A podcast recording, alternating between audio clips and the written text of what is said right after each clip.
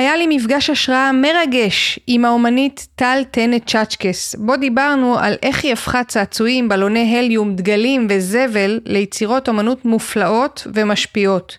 את כולן תוכלו לראות בקבוצת הפייסבוק שלנו. פרק 43 בפודקאסט סיפור ירוק בחסות עמותת שינוי אקלים. פתיח ועפנו. אתם מאזינים לסיפור ירוק, אנשים, סביבה, השראה.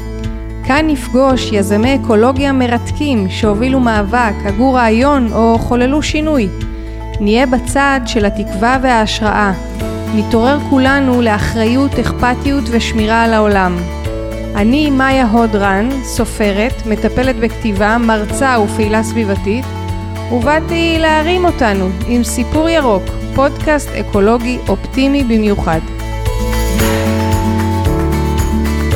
אז היי לטל טנט צ'אצ'קס, יזמית, אומנית ופעילה סביבתית. היי, שלום, צהריים טובים. אני מסתכלת על השיער הכחול שלך, ואני חושבת מאיפה התחיל העניין הזה עם צעצועים ועם אה, להיות אולי קצת ילדה ולאסוף כל מיני דברים. אז אני אתחיל קודם כל בשיער הכחול, שהוא היום הוא מאוד מזוהה עם אה, מי שאני, הוא הפך להיות ממש המיתוג. אבל הכחול התחיל אה, לא מהצעצועים אלא מחגיגות ה-70 למדינת ישראל. וואו, אה, זאת, זאת תשובה שלא ציפיתי לה. אז אה, בכל מקום, היו הקמפיינים של 70 שנה למדינה, ואני באה מעולם של תקשורת חזותית, של העברת מסר, ואמרתי, אוקיי, אם המדינה חוגגת 70, ובכל מקום יש דגלים, אז גם אני דגל, ואני אצבע את השיער שלי לכחול, ואני אכריז על עצמאות המדינה. אז בעצם זה היה הרגע, אבל לא לקחתי בחשבון שהבחירה לצבוע את השיער שלי בכחול ולהכריז על העצמאות של המדינה, בעצם יהיה המסע של בחירת העצמאות שלי. אז זה הכחול. מה זאת אומרת? אז תני על זה עוד מילה, מה זה העצמאות שלך? זה פגש אותי בנקודת שבר מאוד uh, משמעותית, שבר רגשי, שבר כלכלי, ו- ומתוך זה בעצם קרה שם משהו. זאת אומרת, באותו רגע לא ידעתי, ידעתי לעשות בחירות נקודתיות, ורק בדיעבד הבנתי שהיה שם איזשהו אה, חלק מאוד חזק, שבו התחלתי להגדיר את, ה... את את מי שאני, את מי אני רוצה להיות, מה הערכים שמניעים אותי, מה הבחירות שאני רוצה לעשות בחיים שלי, איזה אחריות אני לוקחת כלפי עצמי, כלפי המקום, כלפי המדינה, החברה. אה, והכל מתחיל בכחול. ואומרים על הכחול שהוא צבע של ריפוי, אז uh, בהחלט התקופה הזאת ריפאה אותי. זה והצעצועים. אז איפה התחיל הסיפור עם הצעצועים? אז אני לא יודעת בדיוק מתי זה התחיל. Uh, אני יכולה להסתכל ככה במבט רטרוספקטיבי אחורה ולעבור דרך כמה נקודות. אחד בילדות, uh, יותר חפצים פחות צעצועים. לא עניינו אותי צעצועים, אבל תמיד הייתי כמו איזה חפשנית, כמו איזה בילבי בעולם, מחפשת בשדות ובמרחבים הנטושים כל מיני חפצים שאנשים אה, שכחו. אה, וזה ממש היה שם. לאבא שלי היה אה, חדר מלאכה, והייתה לו מחרטה, וכשהוא ניסר וחרט את הצורות המאוד מיוחדות בעץ, אני ישבתי מתחת ואספתי את השאריות. אז בעצם החומר תמיד ריתק אותי.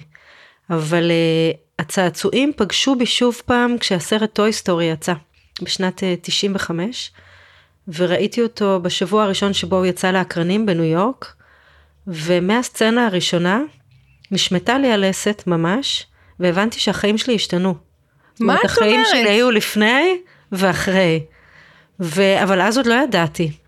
ממש, כאילו, לא רק הטכנולוגיה שהייתה חדשנית, פורצת דרך ושינתה את כל עולם הקולנוע, אלא בעצם האמונה שהצעצועים הם חיים. יש שם משהו שאני חייבת לגלות אותו, יש שם חומר אחר ש, ש, שאני צריכה לחקור אותו. ולא רק זה, זאת אומרת, יש שם שני ילדים בסרט, שתי דמויות בסרט, כאילו המקום הדואלי מאוד חזק. אז, אז הייתה יכולת שם גם להתבונן על המקום האנושי בתוך הסיפור, על האנושיות של הדמויות המצוירות. ולנסות להבין מה יש שם. שהם צעצועים בעצמם. שהם צעצועים בעצמם. במקביל למדתי, עשיתי אז סמסטר לימודים בניו יורק, ב School of Visual Arts, ו... ועשיתי קורס, לא עשיתי קורס אפילו, בא אלינו לאחד הקורסים מישהו שהוא ממציא צעצועים.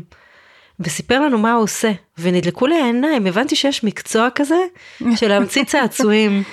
ובכלל ניו יורק ככה ממש עוררה בי את כל החושים, הסתובבתי המון בשווקי פשפשים, אספתי ג'אנקים, משהו קרה שם. עם ההבנה הזאת חזרתי לארץ, התחלתי להתעסק יותר עם צעצועים, אבל עוד לא באופן שאני משתמשת בהם היום. חזרתי אפילו אחרי שסיימתי את הלימודים בבצלאל, הלכתי ועשיתי קורס להמצאת צעצועים בבצלאל. והם היו שם כל הזמן, אבל אה, בנקודה הזאת הם היו שם כל הזמן ברקע. והיה עוד משהו שזה בעצם אה, לפני 20 שנה אני חושבת שהילדות שלי היו קטנות. אה, מראה שהייתה בדרך לפח ושקית צעצועים שהונחה ליד הדלת באותו היום.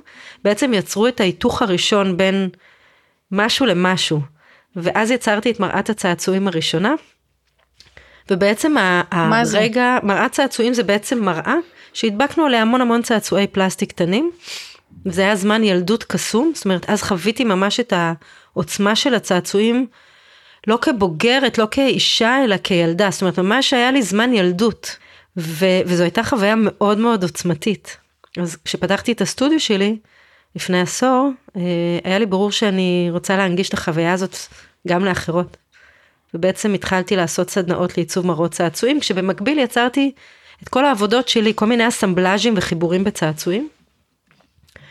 ובעצם שם התחיל המסע שלא לא יכולתי לתכנן אותו, להנדס אותו, לדמיין בכלל ש, שכל זה יקרה, שזה יקרה לי, אבל בדיעבד אני יודעת ש, שהכל היה שם. אמ, מאות אלפי הצעצועים שאספתי והשמשתי ויצרתי והנגשתי ו... ו... ונתתי להם הזדמנות לחיים חדשים, ויחד עם זה הריפוי שעברתי. ובתוך כל זה הדבר הכי פשוט, השם משפחה שלי הוא צ'צ'קס. צצקה ביידיש זה צעצוע, צצקס זה צעצועים, ובעצם אה, נועדת, כל המהות שלי, נועדת לזה. זה בחר בי. אז, אה, אז היום כשאני מסתכלת אחורה, אז, אז, אז ברור לי שזה היה שם תמיד, והיה שם קול מאוד מאוד חזק, שאמר לי תמשיכי, תמשיכי, את יודעת מה את עושה. ומול כל הקולות שאמרו לי אין לך סיכוי וזה לא מעניין וחבל על הזמן וזה זבל ואת מבזבזת משאבים ואנרגיה. ידעתי שאני חייבת לעשות עם הדבר הזה משהו, והיום אני יודעת ש, שזה פשוט, זה היה חזק ממני, הייתי חייבת ליצור את העולם הזה. אז איזה עולם יצרת באמת? אז יצרתי עולם פנטסטי. אמ, קודם כל זה התחיל מתוך אה, יצירה מאוד אינטואיטיבית, נורא כיפית, ממש. זה היה אה, להיות ילדה בעולם של ילדים. אה, היו לי כבר ארבעה ילדים, וכבר הייתה לי אחריות הורית, אבל דווקא המשחק בצעצועים והיכולת להתחבר לכל גיל, לכל אחד דרך הכלי הזה, הייתה מאוד מאוד עוצמתית, כי בעצם נשארתי קצת ילדה. ו, ובתור ילדה יכולתי גם לאמץ את התכונות של הילדים. לשחק, ליהנות, לא לפחד, להיות נועזת יותר, להאמין בתמימות, לדמיין ולגלות שאני יכולה ליצור את מה שאני מדמיינת. אה, לזהות הזדמנויות דרך חיבורים, זאת אומרת זה הדמיון, אתה פוגש כאילו כל מיני חיבורים אקראיים, פתאום יוצרים משהו. אז הייתה שם המון יצירתיות. ו, ודרך זה גם יכולתי ממש להסתכל על הילדים שלי ולקבל מהם השראה על התכונות שלהם, של, של אמונה ותמימות ו, אה, ולא לפחד, זאת אומרת להיות בתוך הדוינג ולא לחשוב מה תהיה התוצאה. תני דוגמה ל, ל, למשהו כזה. אני חושבת שהדמות הכי חזקה, היצירה הכי משמעותית, הוא פופאית. דמות שיצרתי מהחיבור בין הפנים של אוליב לגוף של פופאי, דמויות הילדות שלי ולהפך. יצירה מקרית לחלוטין, לא הייתה לה שום מטרה. היא נולדה מתוך הצעצועים השבורים, מתוך אותה מתודולוגיה שבה עבדתי עם הצעצועים, שלקחתי חלק ועוד חלק וחיברתי לשלם חדש. ממש פרקטיקה כזאת פעם ועוד פעם ועוד פעם ועוד פעם, עשרות מאות פעמים כאלה. וכשפגשתי את הדמויות של פופאי ואוליב, אז אמרתי, טוב, אני אחתוך את הראש מפה, אני אשים את הגוף מפה. חבר אותם ביחד סתם. אבל uh, בעצם היה רגע, וממש רואים את התהליך בתוך דמויות שנבנו לאורך השנים, שפופאית ממש נבנית, נוצרת דרכם. היפוך רגע אחד שחברה זיהתה את הפוטנציאל ביצירה הזאת שיצרתי בחיבור שהוא סתם תמונה, uh, הפכה למסע, uh, לא למסע אפילו, ליצירה מטורפת, מטריפה, סוחפת, שלימדה אותי, כאילו, חשפה לי בפניי את המסוגלות שלי. מה קרה? וממני החוצה לאחרות. אז פופאי הביאה אותי לניו יורק, לחברה של פופאי ואוליב, כנגד כל הסיכויים בעולם. אבל סליחה, מה הייתה השאלה? מה קרה? כי את אומרת, זה הוציא אותך למסע. כן. אז מה היה המסע? גילוי, זה שוב פעם, זה משהו שהוא היה גדול ממני, זאת אומרת, זה... זאת אומרת, התחיל, החברה הזאת אמרה לך, יש כאן חיבור מפוצץ, כאילו, קורה פה משהו. אוקיי. ואז מה? למחרת בבוקר הלכתי לסטודיו, אה, לקחתי קנבס ישן, מתוך ערימה של קנבסים ענקיים ששימשי הבעל שלי אסף לי לפני הרבה שנים בתל אביב, ולא היה לי מה לעשות איתם. שנים ניסיתי להיפטר מהם, ופתאום כאילו היה להם שימוש. אז לקחתי קנבס כזה, מחקתי את הציור שהיה עליו, הקרנתי את פופאית והתחלתי לצייר. וככה כל יום, יצרתי בערב דימוי על המחשב, ולמחרת בבוקר הלכתי לסטודיו, לקחתי קנבס, אה, הקרנתי עליו את הדימוי שיצרתי, ובעצם יצרתי דמות חדשה. ובעצם אה, כל ציור שיצרתי חשף משהו בתהליך שלי כאישה, תהליך התחזקות שלי, מסוגלות, אה, לגלות את הכוחות שלי שהם לא כוחות של כוח אלא כוחות של אמונה. ובעצם בתוך שבועיים הייתה לי סדרה משגעת של ציורים אה, שהיו גילוי של עולם חדש, עולם מחשבי רלוונטי שבעצם נוצר מתוך הקיים. ו... והוא נוצר מתוך הקיים לא רק החומר אלא גם הרעיון. אה, שבסוף כשמדברים על חדשנות אז זה הדבר, זאת אומרת להשתמש בקיים, לעשות עליו איזושהי מניפולציה ולהוציא ממנו ערך חדש, להפיק תועלת חדשה. אז בעצם זה מה שקרה, והסיפור היה כל כך עוצמתי, שיתפתי אותו ברשתות החברתיות, ובעצם מהר מאוד גיליתי שעשרות, מאות נשים וגברים מתחברים לסיפור הזה. זה מעניין מה שאת אומרת גם על אמונה, כי כאילו פופאי, הוא כן, אה, העניין שלו מבוסס על כוח. נכון. אז- פיזי, נכון. תרד וזה. נכון. אז מהציור הראשון, בציור הראשון עוד רואים את העוגנים של הברזל ואת התרד בתמונה, אבל בציור השני כבר הבנתי שהיא לא זקוקה לכוח הפיזי. היא לא צריכה כוח. היא לא צריכה והיא לא תלויה בכלום, והיום הסטמפה, כאילו הסלוגן של פופאית זה The strongest believer. זאת אומרת, זה כוח העל שלה, הכוח שלה הוא באמונה. וואו, איזה יופי. ו... ו... ובעצם אני יוצרת אותה מאז. אה, היא הביאה אותי לניו יורק גם ממש במקרה, מתוך מקום תמים של לשאול, מותר לי? מותר לי לעשות את מה שאני עושה? אז גם ידעתי שמותר לי, אבל גם פניתי לחברה, גם קיבלתי חוות דעת מקצועית אה, משפטית, אבל גם פניתי לחברה אה, שמייצגת את חברת האם של פופאי ואוליב בארץ. מה, שיש יש דבר כזה? יש דבר כזה, יש עורך דין, ופניתי אליו, ולא לא, לא חשבתי כאילו שיהיה משהו, יגיד לי כן או לא. ולא כן לקחתי לא, מה, בחשבון, אה, מותר כן. אסור. מה, להשתמש כן. בדימוי הזה? כן, כי זה לא אני יצרתי אותם, אני כן. משתמשת בהם. כן. אני אומנית רדי מייד, אני משתמשת בקיים. בכל מה שאני משתמשת, אני משתמשת תמיד בקיים.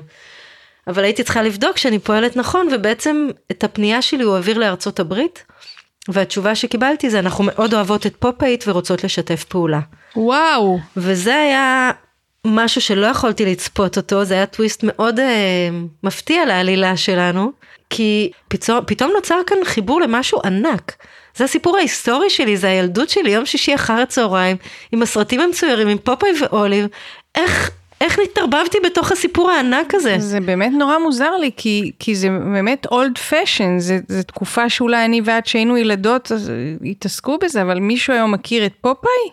פופאי מכירים אותו, אוליב כמעט ולא הכירו אותה. אוליב הייתה אגב לפניו, עשור לפניו. אה, היא כבר בת 103, ממש עכשיו, בימים האלה היא אה, חוגגת 103. רגע, אבל הסדרה המצוירת התחילה מאוליב? כן. מה את אומרת? בחיי. ואז הוא הגיע ולקח את ה... ועשור אחריה, במה? עשור אחריה הוא נכנס לקומיקס, זו הייתה קודם כל, סליחה, לא קומיקס, כן, זו הייתה סדרת קומיקס, בעצם טור קומיקס שבועי בעיתון אמריקאי. אוליב החזיקה אותו עשור עם המשפחה שלה, תמיד הייתה דמות מגוחכת נלעגת, ופופי נכנס עשור אחרי זה כדמות משנית, אבל מהר מאוד הוא, ככה הסיפור השתנה, הוא קיבל את הכוחות, הסיפור עם הטרד, תוך פחות מעשור אה, נוצרה סדרת האנימציה הראשונה, שקיבלה את השם שלו, יואו. וכמו הסיפור ההיסטורי, אוליב פשוט נדחקה לפינה. ובעצם מאז, אה, זה היה תחילת שנות ה-30, הסיפור לא השתנה. פופאי היה חזק, זה שמציל אותה, היא זאת שקוראת לעזרה, ומאה שנים, כאילו, זה, זה היה הסיפור. וכשפופאית נולדה, היא נולדה ממש בשנת המאה של אה, אוליב, ממש כמו יפהפייה נרדמת. ובעצם אה, מה שקרה מאז זה שגם אוליב, אוליב אויל המיתולוגית, עברה אה, מיתוג מחדש. ו... ואפילו אפשר לראות שם בתוך הזהות החדשה שלה חלק מהערכים של פופאית. אז את החיית אותה. אני, יש שם השראה מאוד חזקה, ממש רואים בבחירות שלהם כמה נקודות שהן משיקות. אני נתתי לה לגיטימציה, נתתי לה מקום בעולם החדש. אני מאמינה, הייתי שם, הייתי בארצות הברית, ישבתי במשרדים שלהם, אנחנו בקשר, היינו מעל שנתיים, הם ראו את כל מה שאני עושה, קראו את כל מה שאני כותבת. אה, היא אפילו מופיעה באתר שלהם, פופאית, אז, אז כן, כאילו יש לי חלק. אני חושבת, אני, אני רגע אשים את האגו בצד כיוצרת, ואני אגיד שכשכיוונתי להשפעה, אה, להיות יוצרת שמשתמשת בכלים שלה, שמחוללת, מייצרת השפעה בעולם, אז אני חושבת שזה וי ענק שסימנתי, שהצלחתי להשפיע על סיפור היסטורי, וזה ענק בעיניי. ממש. אז אה, זהו. אוקיי. עוד סיפרת שאת אה, מתעסקת הרבה באוספים. נכון. תגידי איזה אוספים יש לך. לי, אני אגיד לך קודם עליי, שכשהייתי קטנה היה לי אוסף מחקים, אוי, זה נפלא. אוסף מפיות. קלאסי. פעם זה היה עניין מפיות, לא היו. לא היו רק מנגבים איתם, היו גם אה, מסתכלים עליהם. הם היו גם נורא יפות, נורא כאילו היו להם יפות, גימורים כן. ועיבודים נפלאים. כל פעם שהיינו הולכים למלון זה היה כזה זה, אני אקח את המפית שלהם. ברור, זה וקופסאות גפרורים בטח היו לך גם, היו לך קופסאות גפרורים? לא, אבל כל האוספים היו בתוך קופסאות נעליים. היית- היה לי אוסף בולים עם סבא שלי, מקסים. זהו, נראה לי שזהו. זה המון. כן, אז איזה אוספים יש לי לך מחק אם את עוד אוספת, יש לי מחק משגע מפעם. אני הורשתי את האוסף שלי לילדים שלי. אז יש לי כל מיני אוספים. היום אני פחות אוספת כדי לאסוף, זאת אומרת בשביל האוסף, אלא האוסף שלי מגדיר את עצמו מתוך איזשהו צורך או מציאה, משהו שמצאתי בדרך. אז אה, חוץ מהאוספים בבית של הצעצועים וקופסאות פח וכל מיני משחקי ילדות וכאלה, יש לי אוסף של בלוני הליום מפוצצים, שאני אוספת כבר אה, שש או שבע שנים. איך אוספים דבר כזה? בקלות, מה זאת אומרת? הם נמצאים בכל מקום, בשדות, על גדרות, בכיכרות, על הכבישים, בכל מקום יש בלוני הליום, בחופים, יש כל כך הרבה בלוני הליום בחופים, במיוחד באוגוסט-ספטמבר.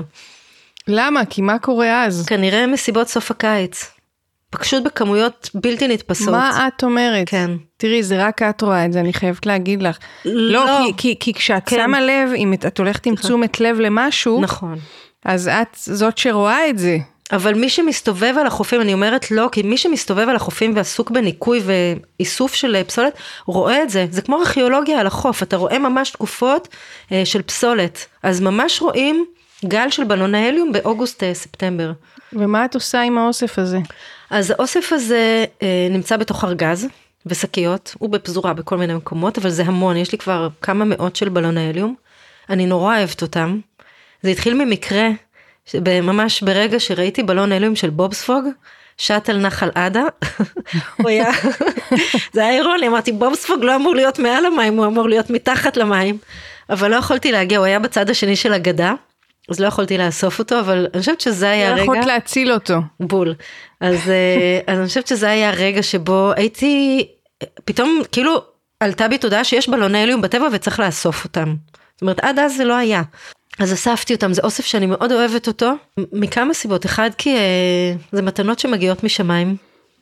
גם אם הן אה, נמצאות בשיחים, אז כאילו בלון הליום הוא בא, הוא יורד אליך מתנה.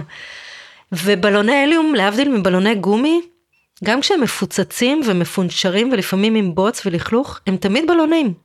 הם תמיד צבעוניים, לרוב נושאים איזשהו מסר חיובי, הם תמיד גורמים לי לחייך, הם הפתעה באמצע החיים, אז אני אוספת אותם. ו- ומה שהתחיל במקרה הפך להיות אה, גם אחד האירועים המכוננים של החיים שלי. אולי הסיפור, המפגש הכי משמעותי אה, שהיה לי בחיי. וכשאני אומרת את זה אני ישר מתחילה לבכות. אה, לפני כמה שנים היה מקרה אמיתי לגמרי של בחורה שנעלמה מהבית והשאירה אחריה מכתב. ופרסמו בקבוצה של הפייסבוק בקהילה אה, שצריכים עזרה בחיפושים שלה והתגייסו קרוב לאלפיים איש לחפש אותה. שימשי הבעל שלי שהוא מתנדב מג"ב לקח ניידת, שם עליו מדים ויצא לחפש אותה. ולמחרת בערב מצאו אותה בצפון. ובריאה ושלמה, הכל בסדר. שימשי הייתה איזושהי אינטואיציה, והוא אה, ביקש להעביר מסר למשפחה, שייצרו איתי קשר. הוא אמר, הוא, הוא, הוא אמר להם שאני יכולה לעזור לה, להם.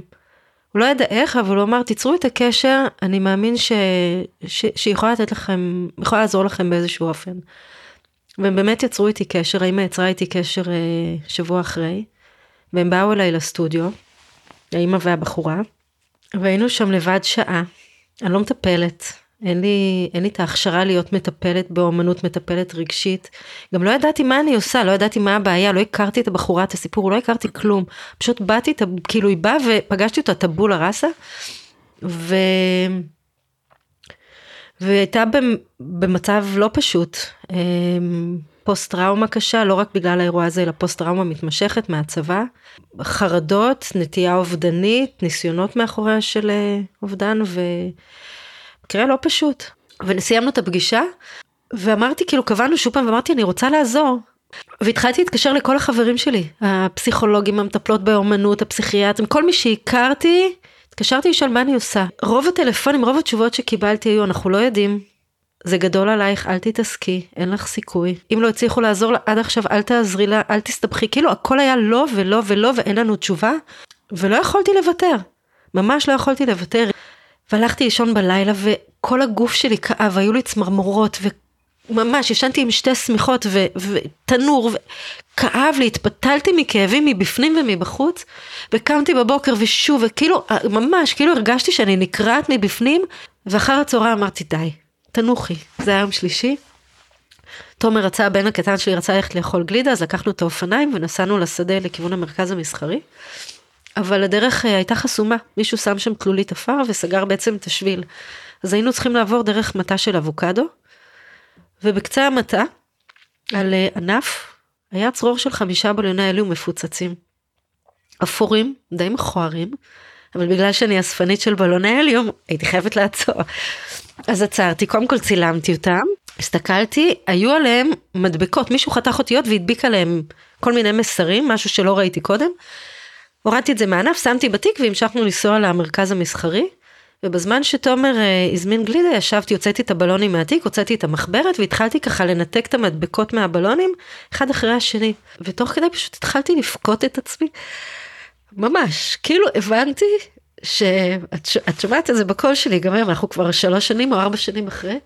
כאילו היקום זימן לי את כל התשובות לא רק את התשובה שהייתי צריכה לרגע הזה אלא את כל התשובות שחיפשתי בחיי. איזה יופי. על כל בלון היה רשום מסר שכאילו ירד אליי משמיים.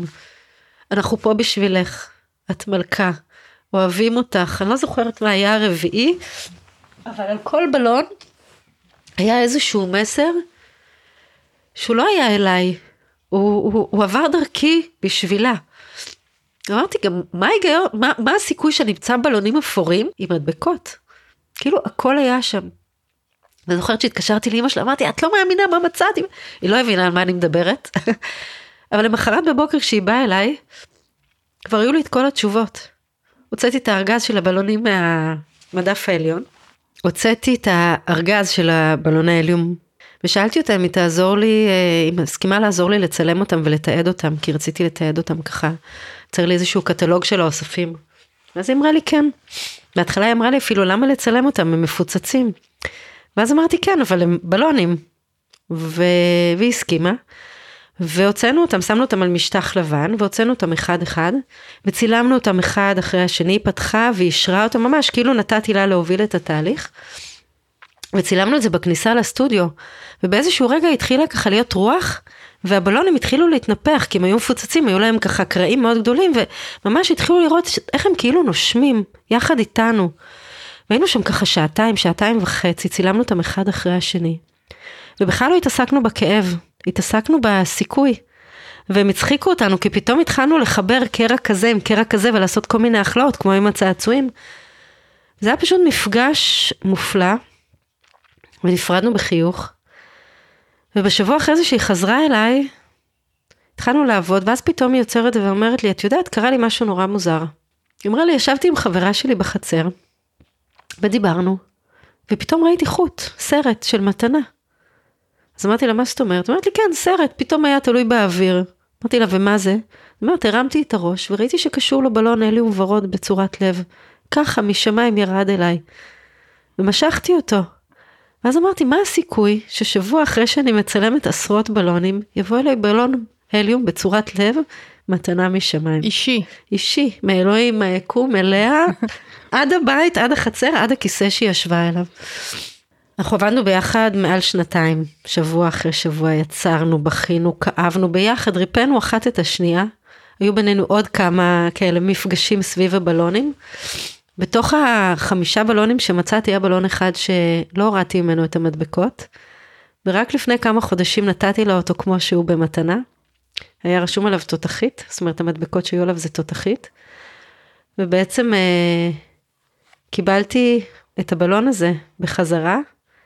אה, היא הורידה את המדבקות ורקמה עליו את המילה תותחית. אה, והיא יוצרת ענקית, מופלאה, אומנית מחוננת. אז, אז הסיפור הזה עם החמישה בלונים, אה, שהוא באמת, הוא היה סיפור של... אה, הזכיר לי קודם כל שאני בן אדם טוב, אה, ויש לי שליחות בעולם. השליחות שלי זה לא רק למצוא ולאסוף, אלא דרך היצירה שלי, לאפשר ריפוי. הריפוי שלי, ריפוי ממני החוצה, ריפוי לסביבה, ריפוי לעולם, אני פה לעשות משהו טוב, ואני מאמינה שזה בחר בי. והבלונים, כמו האוספים האחרים, כל אחד היה עבורי איזשהו כלי לעשות משהו שהוא ממני, כאילו עבורי, אבל ממני גם החוצה. אז נגיד הדגלים, זאת אומרת, חוץ מהצעצועים שאספתי במאות אלפים ואפשרו לי באופן פרסונלי את הריפוי שלי, אז אספתי דגלים, עשרות מאות דגלי ישראל שעפו לשוליים של הכבישים ב... לפני ואחרי יום העצמאות. אנחנו קונים את הדגלים האלה למכוניות עם כן, העמוד מה, פלסטיק וזה עף הזה, מהמכונית? וזה נשבר, וזה עף, ואף אחד לא סובב את הראש אחורה להסתכל מה קרה להם. לא אז וגם היום אנחנו לא מסובבים, זה פשוט נשאר על הכביש של המדרכה, מתמלא בבוץ. אנחנו נוסעים על זה, הולכים על זה. ביום העצמאות ממש ראיתי אנשים הולכים על הדגלים וזה קרע לי את הלב. אמרתי, מה, איך זה יכול להיות? צעצועים הפכו להיות חד פעמי, אבל הדגל שלנו, איך יכול להיות שהדגל שלנו, הזהות, השייכות, כל מה שגדלנו עליו, הערכים שלנו, הפך להיות זבל חד פעמי שאנשים הולכים עליו ברחוב. אז לא, זה הדגלים- גם, זה גם אה, רגע גדול מה שאת מתארת, כי בעצם, את יודעת, גם על מה שאמרתי לך מקודם, על, הבלון, על הבלונים, מי שם לב לזה? זה- אף אחד. זה כאילו כבר יאללה, נגמר עצמאות, נגמרו החגיגות. אה, ממשיכים הלאה. אני חושבת שאנחנו בכלל קצת, אה, הרוב, רוב הדברים ש... בסוף אני מסתכלת על החפצים שלנו כ, אה, כזהות וערכים. זאת אומרת, כל חפץ שאנחנו מביאים לחיים שלנו, יש לו איזה ערך, בין אם זה רגש, אהבה, אה, הזדהות, אמפתיה, יופי, כאילו כל דבר יש איזושהי משמעות עבורנו. אבל אנחנו מוצפים בכל כך הרבה חומר שבעצם איבדנו את הערך של הפרט הבודד. ממש. כי כשאני יושבת על צעצוע, כשהייתי ילדה, והיה לי נגיד צעצוע, היה לי דובי חום כזה, הוא, הוא ליווה אותי שנים, זאת אומרת, הוא היה השותף סוד שלי, החבר הכי טוב שלי, היה גם דובי אחד. והיה לא היה לך אחד. שמונה. ושמרתי עליו מכל משמר, הייתה לי אחריות עליו, והיום עם כל ההצפה של קונים, זורקים קונים, ויק, והסבתות, והדודות, והימי הולדת, והבת מצוות, ושופכים עלינו ערימות של דברים, ויום העצמאות זה לא דגל שאת תולה אותו בגאווה על, ה, על השער בכניסה לחצר, אלא זה המתנפחים, והקשתות, והמנורות המהבהבות, פתאום הדגל נהיה אלף צורות, והכל נהיה חד פעמי, אנחנו לא יודעים כבר מה להחזיק או איך להחזיק את הדבר הזה, והתוצאה היא בסוף אובדן של ערכים. ממש. אז, אז זה מה שראיתי בדגלים האלה, וזה היה המקום הכי קיצוני, כי על זה גידלו אותי. זאת אומרת, זו הזהות שלי, אני ישראלית במדינת ישראל, חיה, מחנכת את הילדים שלי, ומה, אני אלך על הז... אנשים הולכים על, הז... על הדגלים שלנו, זה זבל? איך זה יכול להיות? וזה היה אחד החלקים המאוד אה, רגע, אז, כואבים. אסף, אז אספת את זה. אז אספתי את זה. זה כמובן פגש אותי גם עם הכחול של השיער. מאות גלים כאלה, חיבסתי את כולם. אה, למרות שזה פלסטיק. הם סינתטיים, זה לא בדיוק פלסטי, זה אוקיי. סינתטי, אבל הם עומדים בכביסה, אז את כולם כיבסתי. מכיוון שזה התחלתי לאסוף אותם כשהייתי מאוד, במקום מאוד מאוד נמוך רגשית, אז ממש הרגשתי שכל פיסה, שכל דגל שאני מרימה מהרצפה וכל פיסה של צעצוע פלסטיק או משהו, זה בעצם פיסה מעצמי. ועם הדגלים זה היה מאוד מאוד חזק, כי הייתה בי הבטחה. והבטחתי להם שמהמקום הנמוך שהרמתי אותם, הם יגיעו הכי גבוה אל ראש התורן מחדש. כאילו יש סיכוי, ושם גם פגשתי את התקווה. אבל להבטיח את זה לדגלים, את יודעת שזו חתיכה של בד, כאילו אין שם, אנחנו טוענים אותם במסר או, או במשמעות, אבל להבטיח להם זה היה להבטיח לעצמי. שיש תקווה ויש סיכוי ומהמקום הנמוך שאני נמצאת בו, אני יכולה לעלות גבוה. אז מה שקרה עם הדגלים האלה זה שחלק מהם הפכו להיות, אה, בעצם אה, חברה תפרה לי אותם לדגל מאוד מאוד גדול. וזה היה בעצם החיבור שלנו כחברה, מסר, והם הסתובבו איתי בארץ, בהפגנות, קשרים, צמתים. רגע, מה, מה, מה עשית מזה? דגל, ענק. אחד? כן, עשרות אה, דגלים נתפרו לדגל אחד משגע, זה היה דגל של הדגלים. והייתי איתם ב... בירושלים, ממש לקחתי אותם לטיול על פסגת הר חירייה, היינו במרכז פרס לשלום בחדשנות, וחדשנות בחדר של שמעון פרס, אה, הצטלמנו מול כנסת ישראל, ו... ובכלל, כאילו הם היו איתי בהמון מקומות. כל ו... פעם מה, פרסת את זה? נופפתי בהם, כאילו על כל פסגה שהייתי נופפתי בהם, הראיתי להם, תראו, אנחנו במקום הכי גבוה. אבל זה היה להראות לעצמי, זה היה שיקוף לעצמי וגם החוצה ממני לאחרים, תראו, יש סיכוי. ו, והיו במהלך הקורונה, יצא לי ככה אה, לפגוש, לא ברמה הפרסונלית, אבל כאילו האישית, לא הפרסונלית האישית, אה, כמה חברות שנקלעו לתקופה כלכלית מאוד קשה. ומכיוון שהייתי שם, אז ידעתי כמה פעולה קטנה יכולה לעזור, ובחוויה האישית שלי לא היה לי חומר, אבל ידעתי לייצר משאבים מהפסולת, מהזבל שאנשים זורקים. ואז אמרתי, טוב, כסף לתת אני לא יכולה, ואני יכולה למכור עבודות אומנות. והדפסתי על הדגלים האלה עבודות של פופאית, ומכרתי אותם, ואת כל הכסף שגייסתי עברתי לחברות האלה. אז בעצם הפכתי אותם ממש למשאב שהוא הישרדותי. נתתי לאנשים תקווה עם הדגלים האלה. ולא רק שנתתי תקווה, הם ממוסגרים היום בבתים תלויים על הקירות והם משמשים גאווה. מבחינתי זה הטוויסט הכי מופלא של הסיפור, שהזבל שלנו הוא מקור גאווה. הוא מקור גאווה, הוא משאב, הוא סיכוי, הוא תקווה. ו- וזו רק הבחירה שלנו איך להסתכל עליו. זה ככה מביא אותי לשאול על, ה- על הכדור שעשית. על הכדור ים. כן. אוקיי.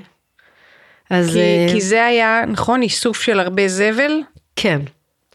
Uh, בעצם היה איזה רגע שבו התהפך הסיפור שלי. אה, מסיפור של אה, אה, מנחת סדנאות ויוצרת בצעצועים וכזו שמדברת על חוויה ילדית, מסעירה, מגניבה, מהנה, בעצם להבין את הערך שיצרתי. וכשנוצר ההיפוך הזה, זאת אומרת, הבנתי שאספתי מאות אלפי צעצועים. מה זה, ו... לאן, איפה פיזית, לאן, לאן אספת אותם? השמשתי אותם בסדנאות, זה כל הזמן היה ברוטציה. אספתי ויצרתי סדנאות לעיצוב מראות צעצועים. אז בעצם בכל סדנה כזאת מאות אלפי צעצועים הושמשו מחדש. אבל איך אספת אותם? זאת אומרת, אמרת להם, מה, מהזבל או אנשים ש... זה התחיל מהשקית שקיבלתי שהגיעה ליד, השקית אחת שהושארה ליד הדלת, אה, וכשהתחלתי לעשות את הסדנות אז קצת מהבית אספתי וקצת מהשכנה, ואחר כך מהגן ילדים ומעוד גן ילדים, וחנויות יד שנייה ושוק הפשפשים, וכשכבר לא היה לי מאיפה ככה ללקט מהקרובים, אז התחלתי לפרסם בפייסבוק, אל תזרקו צעצועים. והתחלתי לקבל צעצועים מכל הארץ. ובמשך שמונה שנים אספתי מאות אלפי צעצועים שאנשים רצו לזרוק אותם, לא היה להם מה לעשות עם זה, אבל בעצם נתתי להם הזדמנות. אז כל הצעצועים האלה, מאות אלפים, וזה בהערכה, לא ספרתי אותם אחד אחד, אבל אה, הם בעצם, הם, הם, הם נמצאים היום, הם לא טמונים באדמה, הם זכו לחיים חדשים. ו, ובעצם כשהבנתי את הכמות הזאת שאספתי, של מאות אלפי צעצועים, שבעצם גם אה, דיברו כבר על משבר האקלים ועל הכמויות של הפלסטיק ועל החד פעמי, אז הבנתי שהצעצועים שה... שלנו, הם הפכו להיות חד פעמי, ממש, כאילו היה איזשהו אירוע מאוד משמעותי באותה תקופה, ואז הבנתי ש... איזה אירוע? הייתה תערוכה שעשיתי, שקראו לה צעצועיזם, שדיברה בעצם על כל היצירה שלי בצעצועים, ובתוך התערוכה הייתה עבודה אה, שקראתי לה טויז אר אס, וזה היה קיר אה, שיצרתי אותו במשך חודשיים ביחד עם המבקרים בתערוכה והמבקרות, ובעצם הזמנתי אותם לעשות את אותה פעולה שאני עושה. הנחתי על הרצפה ערימה של צעצועים שאספתי מכל מיני מקומות, והיה קיר שאפשר היה להדביק אליו צעצועים, ובעצם אה, כל מי שנכנס, הגיע לבקר בתערוכה, הוזמן להתכופף, להרים צעצוע, לבחור אחד, פיסה אחת קטנה של חיים, ולהצמיד אותה לקיר של הצעצועים.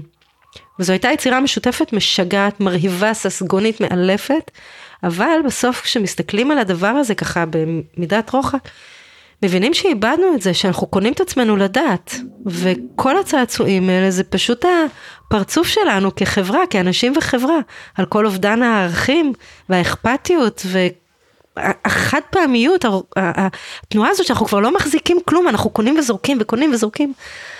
אבל בעצם דרך העבודה הזאת הבנתי שהצעצועים ממש הפכו להיות חד פעמי, יכולתי לראות את זה באופן מאוד מאוד חזק וגם לתקשר את זה החוצה. זה בעצם היו כמה תחנות באותה תקופה, שדרכם יכולתי לראות את הסיפור הסביבתי, זאת אומרת שיצרתי משהו בעל ערך מאוד מאוד גדול, שהוא הרבה יותר גדול מהיצירה הפרטית שלי. וכשהתחלתי לתקשר את זה החוצה, זאת אומרת ממש הייתה שם בחירה להפוך את סיפור היצירה שלי. להפיק ממנו ערך ותועלת חדשה, ולא לדבר על מה יוצא לי מזה, אלא מה האחריות שלנו, איפה זה יכול לשמש אותנו בסיפור הסביבתי. ותקשרתי את זה בכל המדיומים שלי במשך כמה חודשים. ואחרי כמה חודשים פנו אליי באמת מעיריית תל אביב, ידעו שאני עושה פרויקטים מאוד מאוד גדולים ואני בעניין של צעצועים ופלסטיק וכנראה שיש לי גם את היכולות, וביקשו שאני אגיש הצעה לפסל סביבתי שמדבר על צמצום פלסטיק וחד פעמי בחופים. ו... והגשתי הצעה, וההצעה הייתה לפסל של כדור ים, באופן טבעי זה היה כדור ים כי המון כדורים מפונצ'רים עברו אצלי עם הצעצועים בשנים האלה, וגם כשחשבתי על פסל פלסטיק, ים, אז היה לי ברור שזה כאילו זה כדור ים, זאת אומרת התשובה כבר הייתה בתוך הדימוי. ויותר מזה, גם כשחקרתי זה, אז הבנתי שהכדור ים נוצר ממש בסוף שנות ה-30 בתחילת עידן הפלסטיק, אז זה בעצם גם היה חיבור רגשי מאוד חזק של, ה... של צעצוע שהיה שייך לסבתות שלנו, לאימהות שלנו, לנו, לילדים, זאת אומרת זה היה... מתקופת פופאי. מתקופת פופאי ממש, וזה בעצם היה רב דורי, זאת אומרת השייכות היא לכולם. זה ממש עבד כאילו כמו צעצוע, אבל גדול. זאת אומרת, גם כשעמדת מולו מול בוגר, כבוגר, יכולת להסתכל עליו מעיניים של ילד או ילדה, כאילו זה ענק. ובעצם אה, חודש אחרי שהגשתי את ההצעה, הפסל אה, הוצב אה, על חוף טרומפלדור בתל אביב. כשאת הפסל יצרתי מלבד הקונסטרוקציה, מאלפי פריטי פסולת שאספתי ביחד עם מתנדבות מהחופים. ממש נכנסתי ככה לחודש של טרפת. האוטו שלי היה כמו אוטו זבל, רצועות החוף, מי, זה היה מנתניה עד זיכרון צפונה, כל השבילי גישה, חניונים, אה, השדות שסמוכים, שבעצם כל מה שעף מהחוף עף גם אחורה, זאת אומרת זה לא הקו מים של העשרה מטר הראשונים, אלא בעצם כל הקילומטר שהוא קו החוף, ובעצם אה, הצבנו את הכדור ב-2019 על, אה, על החוף בתל אביב, וזו הייתה יצירה שלי כאומנית נהדרת. ממש הצלחתי, עשיתי, גם עמדתי בלוח זמנים נפלא וגם היא הייתה מהממת ביופייה, ככה מדויקת במסר. אנחנו נראה תמונות של כל ה... בקבוצה בפייסבוק, נראה תמונות של כל המיצגים האלה שאת מתארת. נפלא, אז, אה, אז ממש כדאי להסתכל על זה מקרוב. אבל מה שקרה באותה נקודה היה משנה מציאות עבורי. כי בעצם אה, לא יכולתי לצפות את האדוות של ההשפעה של הכדור. וזה קרה ממש מהרגע שהוא נח על החוף. התגובות בפייסבוק, השיתופים, הכתבות שהיו בארץ, בעולם, זאת אומרת, פתאום הבנתי את האימפקט. הבנתי שזה ענק, ואנשים שהתחילו לשלוח לי הודעות שמה אנחנו עושים, מה, מה עובר עלינו, איבדנו את זה לגמרי, זאת אומרת, אנחנו לוקחים אחריות, אנחנו מפסיקים עם הפלסטיק ועם הכוסות החד פעמיות, ותודה, ופתאום הבנתי שאני, כאילו האומנות שלי נוגעת באנשים, אבל באופן שהיא משנה להם את הבחירה. אבל האירוע הכי משמעותי שקרה זה ששתיים מהמתנדבות שעזרו לי לאסוף את הפסולת, פתחו קבוצות בפייסבוק של גן רב פעמי וכיתה רב פעמית ותנועת נוער רב פעמית.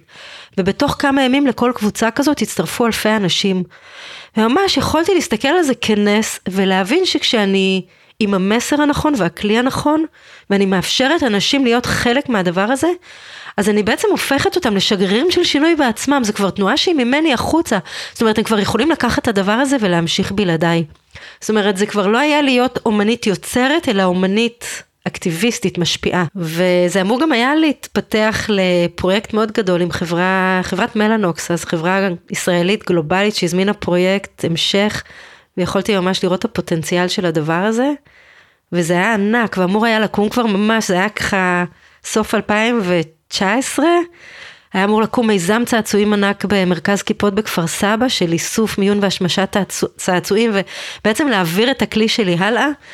ותוכנית שפיתחתי עם אה, חממת הפיתוח של משרד החינוך, תוכנית למידה בצעצועים, זאת אומרת כל היצירה הענקית הזאת פתאום הפכה, הפכה לתוכן ולמהות ולערך שכאילו יש לו, אפשר להעביר אותו לאלפים על אלפים של משתמשים ומשתמשות בארץ ובעולם, והקורונה הגיעה וקרקסה את כל הפעילות, אפס, ממש אה, הכל נגנז. פופאית אמנם נולדה באותו זמן, ממש אה, איך שהעולם נסגר, יום האישה הבינלאומית והסגר של הקורונה ממש היה הפריצה של פופאית. כאילו כשהעולם נסגר, עמדו מולי שתי אפשרויות. לחכות שהוא ייפתח, בתור אה, פעילה סביבתית להגיד אוקיי אז סגרו את הכל, אין חברות שאני יכולה לעשות איתן פרויקטים, אין קהל שיבוא לסדנאות שלי, אין מי שיבוא להרצאות אז אני אחכה. או להגיד לא, אני כאן, יש לי שתי רגליים חזקות על הקרקע, אני רוצה, אני יכולה, אני אצא ואני אהיה השינוי, אני אעשה את מה שאני יכולה. ובחרתי לצאת ולעשות פעולות קטנות, בלי לדעת לאיפה זה ייקח אותי. וזה התחיל בהתחלה בלאסוף את השקיות זבל, שאת זה עשיתי כבר קודם, אבל כאילו זה היה המקסימום שיכולתי לעשות. איזה שקיות? שקיות זבל, לאסוף פסולת מהחופים בתוך שקיות אשפה. אז אספתי כל פעם שהלכתי לחוף, שיכולתי ללכת לחוף או לשדה הפתוח, כאילו בתוך הסגרים. ואז גם הגיע יום הולדת 50 שלי, אז אמרתי, טוב, אני גם ככה לא סובלת ימי הולדת ואין לי עניין במתנות, אז את היום הולדת שלי אני בוחרת לתת מתנה לסביבה, לכדור שלנו. והכנתי לי 50 שקיות יום הולדת ענקיות, שקיות אשפה שהדפסתי עליהן יום הולדת שמח. אוי, זה ענק. ויצאתי לנקות את החופים ואת המדינה החמודה והיפה והאהובה שלנו. לבד? אז התחלתי לבד, כי זה היה, זו הייתה הבחירה שלי, אבל הזמנתי חברות וחברים להצטרף אליי, אז כמעט בכל פעם שיצאתי לשטח, לחוף, הצטרפו אליי. חברה, פעם זה היה מישהי אחת, או שניים, או זוג, או קבוצה של אנשים, או שפגשתי אותם בדרך על החוף. רוב הזמן לא הייתי לבד. במשך 50 ימים, 50 שקיות, הגשמתי את המשאלה הקטנה הזאת. וזה היה מקסים, אנשים ראו אותי, אמרו לי, מה, תוספת זבל, את הרבה יותר מוכשרת מלאסוף שקיות אשפה וזה. וזה בכלל לא עניין אותי. מצאתי הכל, חגגתי הכל, חגגתי מפגשים, הזדמנויות, הגעתי למקומות שבחיים לא דמיינתי שאני אגיע אליהם, מצאתי כל מיני אוצרות על החוף, כאילו היה לי כיף, הלכתי יחפה, היה לי חופש, הכל היה שם, הדבר האחרון שראיתי זה שאני אוספת זבל. ספרי על איזה אוצר שמצאת, או מקום שהיית, או מפגש. הצלתי צב ים, מה זאת אומרת? זה הכי בעולם. איך זה קרה? הייתי בסידניאלי, הייתי בדרך הביתה, מאיזה לא זוכרת מה זה היה, והבנתי שיש לי חלון הזדמנויות של חצי שעה למלא שקית. אז ירדתי לחוף, חוף, חוף סידניאלי היה חוף הילדות שלי. כשהייתי בת אה, שבע או שמונה, אבא שלי שכר שם צריף בכפר דייגים. אז ירדתי לחוף, ככה נכנסתי לסידניאלי, סקרן אותי לראות איך הוא נראה איזה 50 שנה אחרי זה. והלכתי על החוף עם שקית ואספתי פה ואספתי שם, וככה רגע לפני שיצאתי ראיתי איש מבוגר יושב עם ילד על החוף, בתוך, וכאילו ביניהם יש כזה מין בור קטן עם קצת מים, כוס מפלסטיק, ומשהו שנראה כמו צב ים. עכשיו, זה נראה כמו צעצוע, כי זה היה נורא קטן. ואז כזה הסתכלתי, אמרתי, לא יכול להיות, מה, הם משחקים עם צב ים? אבל התכופפתי, ואמרתי, מה, זה צב ים אמיתי? אז הם אמרו לי, כן. אז אמרתי, ומה אתם עושים? אז אומרים, אנחנו לא יודעים, אנחנו מסתכלים עליו, הוא לא כל כך כבר, אה, הוא קצת מגיב כזה, קצת פחות, לפעמים כן, הוא זז. אז אמרתי, מה, אתם נורמלים? צריך להציל אותו. ואז אמרו לי, אבל איך נציל אותו? ואז התחלתי ככה להתרוצץ על החוף, חיפשתי איזה קופסה, מצאתי קופסת פלסטיק כזאת, זבל שהיה זרוק שם כמובן, שמתי קצת מים, שמתי קצת חול, לקחתי את הצו, והתחלתי ככה לחפש אנשי קשר, חיפשתי מציל על החוף או מישהו שיחבר אותי לתחנת הצלת עצבים שיש בוויטקין ב, אה, ב, ליד נחל אלכסנדר. ולא היה מי לדבר שם. אז פשוט התקשרתי בעצמי לחברה להגנת הטבע, אני לא זוכרת מה, איך, בתוך כמה דקות מצאתי איש קשר, אה, עשינו תיאום, הוא הנחה אותי איך לשמור על הצו, להשאיר את הראש שלו, לשים לו ממש קצת מים, לשים את הראש שלו, שהראש שלו יהיה בחוץ, לכסות אותו כדי שיהיה לו שקט וכאילו מקום רגוע, וקבענו איפה אנחנו נפגשים בכביש, ממש באם הדרך העברתי לו את הקופסה הקטנה עם הצו. וכמה שבועות אחרי זה שמעתי שהם הצליחו אה, לשקם אותו. אז מבחינתי זה היה, זה היה המפגש הכי משמעותי ביום הולדת הזה, זו המתנה הכי גדולה שקיבלתי, חוץ מאלף מתנות אחרות. לא, מה שמעניין זה שמה שמשך אותך לשם זה זה שחשבת שזה צעצוע. תכלס. לא חשבתי על זה, אבל כן. כן. אבל היום הולדת נגמר, והפסולת נשארה, אז המשכתי. ובשנה הזאת מאז, אספתי מעל 200 שקיות אשפה. וזה כיף, אני הולכת עם לוקה, עם הכלבה המשגעת שלי, שהיא כלבה סביבתית. והיא עוזרת לי לאסוף בקבוקים. ובכל פעם שאנחנו על החוף, אז אני אומרת לה, לוקה, איפה בקבוק?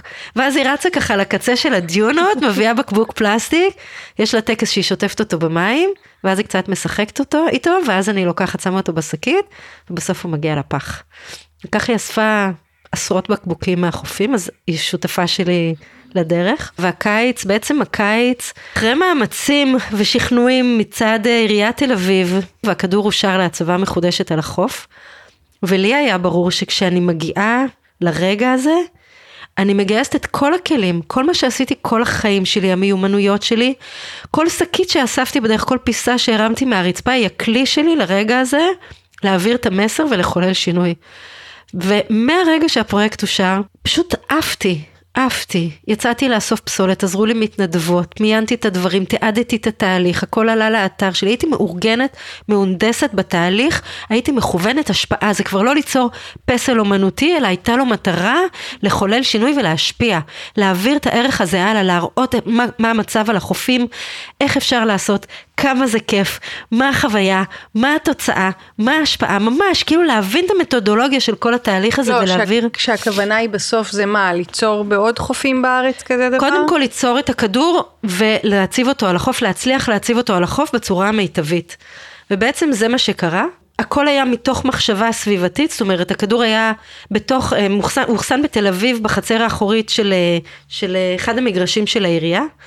אבל בגלל שהייתה הקורונה והוא היה חשוף במשך שלוש שנים לגשם ושמש, אז רוב הפלסטיק התפורר, אז היה צריך בעצם לפרק את כל הפסולת ולהרכיב את הכל מחדש. בעצם הפסל הוא בשימוש חוזר, לא יצרתי פסל חדש, אלא השתמשתי בפסל הישן, פירקתי את מה שהיה לה והרכבתי פסולת חדשה. הרכבתי את זה בתל אביב כדי לא לשנע את הפסולת ממקום למקום במרחקים גדולים ולייצר עוד זיהום, אז הרכבנו אותו בגני התערוכה, שם שיפצנו אותו, ובעצם מהרגע שהוא הוצב על החוף בתל אביב, היה שיתוף פעולה מטריף עם העירייה, מחלקת הדוברות. אני הייתי רעבה, רעבה לשינוי, ממש. כאילו כל הכוחות שלי והעוצמות שלי והפופאית שבי היו uh, בתוך העשייה הזאת. במשך חודש וחצי הוא היה על חוף טרומפלדור. במהלך הזמן הזה יצרנו מפגשי השראה עם אנשים שבאו לשמוע את הסיפור. Uh, יצרו איתי קשר מכנס פלנטק, שזה בעצם כנס אקלים. אה, מאוד מאוד גדול, אה, שדיבר על, אה, בעצם יצר מפגש ראשון מסוגו בארץ עם מיזמים, יזמי ומיזמים סביבתיים, שמדברים טכנולוגיות אקלים. הכנס היה במרכז רבין, ובעצם הכדור ים מוצב שם כפסל סביבתי בחזית של האירוע, ובעצם מעל אלפיים אנשים שבאו מהארץ ומהעולם לכנס עברו דרך הכדור.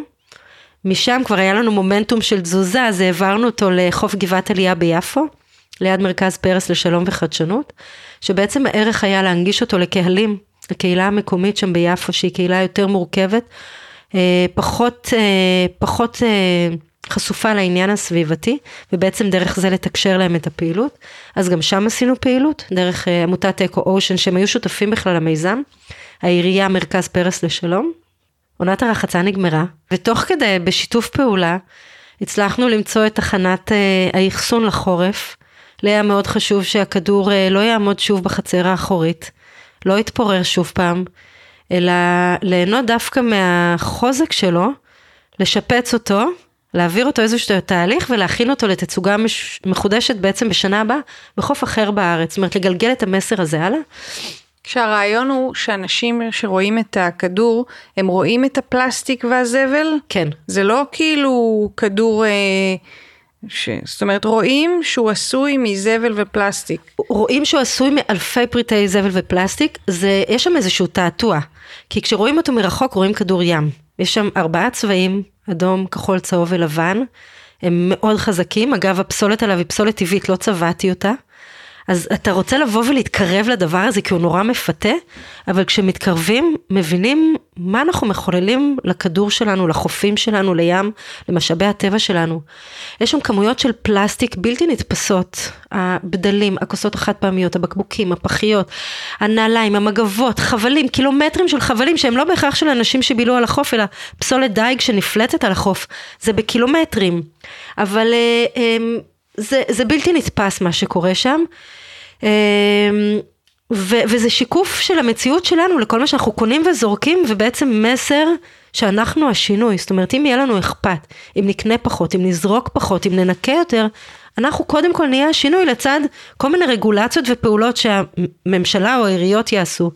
אבל המטרה בעצם של הכדור הוא לעורר מודעות, לעורר שיח על מה שאנחנו עושים ולהניע אנשים לפעולה, לבחירה, לקחת אחריות על, על החיים שלנו. והכדור הזה בעצם כבר הייתה תחנה אחת שאמור היה להיות פרויקט המשך, אז בעצם יש מאחוריו מיזם משגע שנקרא uh, The Big Ball Project, והוא בעצם היכולת לשכפל את הדבר הזה, ליצור כדורים בכל מיני צורות. Uh, בארץ ובעולם עם רשויות, עם קהילות, עם ארגונים, חברות, ובעצם מתוך הפסולת שלהם, או פסולת סביבתית, או בתוך תהליך, אותה מתודולוגיה שאני יצרתי, דרך זה גם להפגיש אנשים, בעצם לחבר אותם לסיפור הסביבתי, שהיום נורא קשה לחבר בין הרעיון הזה של אה, קיימות, סביבה, משבר אקלים, למה אנחנו עושים בפועל, איזה פעולות אנחנו יכולים לעשות היום כדי בעצם להיות, לקחת חלק בשינוי. אז הפעולה הזאת, דרך אומנות, שזה כלי בלתי אמצעי, בעצם לייצר חיבור למושג הזה, משבר האקלים, כן, ובעצם דרך זה... זה גם, דרך, זה גם דרך הידיים, זאת אומרת... בדיוק, זה... זה לומדים את זה בעשייה, מהשטח, בתשוקה, בחדוות יצירה, באופטימיות, וגם, אה, וגם דרך זה להטמיע אחר כך תהליכים בתוך הארגון, זאת אומרת דרך אסטרטגיות, אה, תהליכים של שינוי, מדדים, כאילו איך מייצרים מדדי השפעה בתוך הארגון. פרויקט משגע.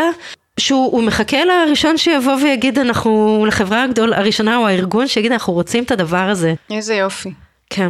אז אנחנו ככה מתקרבות לסיום יש לי פינה בפודקאסט שנקראת אה, תחזית אופטימית. כן. אז רציתי לשאול אותך אם הכל אפשרי ואין אה, גבולות. מה יקרה בתחומך, אני לא יודעת מה, מה להגיד תחומך, כי זה נורא מגוון, יש פה גם את העניין של הצעצועים והשימוש החוזר בפסולת והאומנות, אז מה קורה בתחומך בשנים הקרובות? אז קודם כל אני אופטימית, I am the strongest believer, אני המאמינה הכי חזקה ברור, בעולם. ברור, פופאית. אני פופאית, ואני הדגל ואני התקווה ואני האמונה שאפשר. אז, אז קודם כל אני רואה שזה קורה, הקיץ הזה היה משגע, אני רואה את התנועה, אני רואה אנשים שאני לא רואה, אני פוגשת אותם, שמספרים לי שהם פתאום אוספים זבל מהחופים, שהם לוקחים שקית ומנקים, והם הפסיקו להשתמש בכוסות חד פעמיות ועברו לבקבוק חד פעמי. או, חד פעמי. אה, כן, או, אה, או קונים עברו לקנות חנויות, בגדים בחנויות יד שנייה, או הפסיקו לקחת אה, שקיות ניילון בסופר, זאת אומרת, כל מיני פעולות קטנות ש... מדברים עליהם, לא רק אני אגב, זה כאילו, זה אלפי אנשים שעוסקים בעניין הזה של האקלים, אז פתאום יש תגובה. אה, אני רואה את זה במרחב הפרטי שלי, שאנשים מגיבים לפעולה שלי. אז זה נורא משמח, זה... זה לוקח זמן, אבל זה קורה. כש, כשאני אומרת את זה, את יודעת מה אומרים לי? שזה אני חיה באיזה בועה פרדסחנית. אז זה כבר לא בועה פרדסחנאית, כי זה בכל מקום, וכשהרכבתי את הכדור ים, אז פגשתי אנשים דתיים שבאים מבני ברק, באו מבני ברק. ממש, הם הסתובבו שם, הייתי בגן הטרופי, והיו שם חרדים, עם ציציות ופאות וכל המאפיינים, ו... ו- והם הסתכלו על הכדור, והם הבינו, ודיברנו על בל תשחית, על ערכים שהם מתוך התרבות שלהם, והאני מאמין שלהם, והם הבינו, והם סיפרו לי, היה שם בחור אחד נורא נחמד, באמת גדל בבני ברק, והוא אמר לי, אימא שלי בבית לא מוכנה שנשתמש בכוסות חד פעמיות, אנחנו משתמשים רק בכוסות זכוכית או רב פעמי, כי חשוב לנו לשמור על העולם שלנו. זאת אומרת, זה לא רק פרדס חנה, כן. זה ככל שנדבר על זה יותר, אז, אז, אז אנחנו, כאילו כל אחד מאיתנו השינוי, שגריר של שינוי, וכל אחד מאיתנו שיבחר לעשות פעולה, הוא מודל עבור מישהו אחר, מה אפשר לעשות, כן. איזה, איך אנחנו יכולים להיות אלה שיוצרים מציאות טובה יותר. גם דיברת על יפו. ועל יפו, אוכלוסייה. אז סיפרה לי שם יש מסעדה ביפו, מסעדת קסיס, וסיפרה לי בעלת המסעדה, היא נורא התבאסה שהכדור הלך משם. שלקחו אותו, פינו אותו מהחוף, היא אמרה לי, תקשיבי, במשך שבועות הסתובבתי עם הילדים היפואים ליד הכדור, ולימדתי אותם איך לאסוף פסולת מהחוף ולחבר לכדור. והיא צילמה לי, היא צילמה לי תמונה של דברים שהם אספו והוסיפו לכדור. זאת אומרת, היא שינתה להם תודעה. ומבחינתי זו ההצלחה הכי גדולה שלי. בן אדם אחד שיקח את מה שעשיתי ויעביר אותו הלאה, זו השראה, כאילו אין לזה קצה, אין לזה גבול.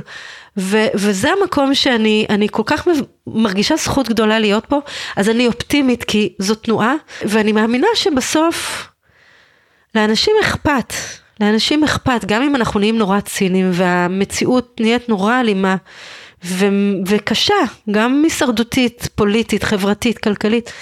אני מאמינה שיש בתוכנו חלק ש...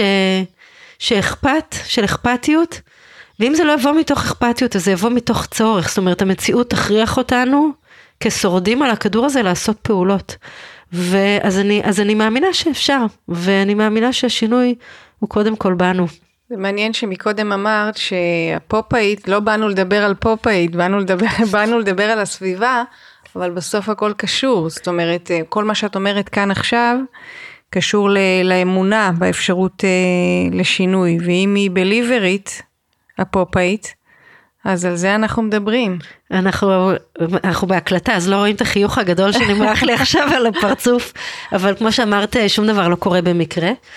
וכשיצרתי את פופאית, חודש אחרי שהתחלתי ליצור אותה, יצרתי אותה בתחילת מרץ, אז בעצם כמעט חודשיים, בעצם באפריל 2020, גיליתי שפופאי גויס להיות פרזנטור של ארגון צרפתי ענק שמנקה את האוקיינוס מפלסטיק. בעצם פופאי הוא מלאך אז הוא הפך להיות הפרזנטור שלהם, The Sea Cleaners, ארגון ענק שעושה עבודה נפלאה.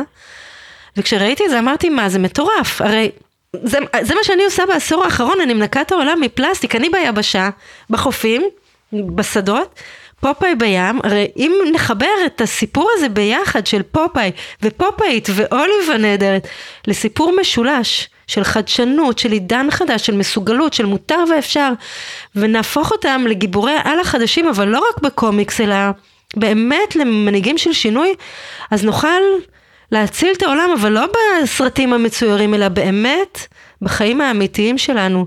ואני מלאת אמונה ש, שזה, שדברים, שכאילו הכל אפשרי, כמעט הכל אפשרי, אבל בסיפור הזה אני מאמינה שאפשר.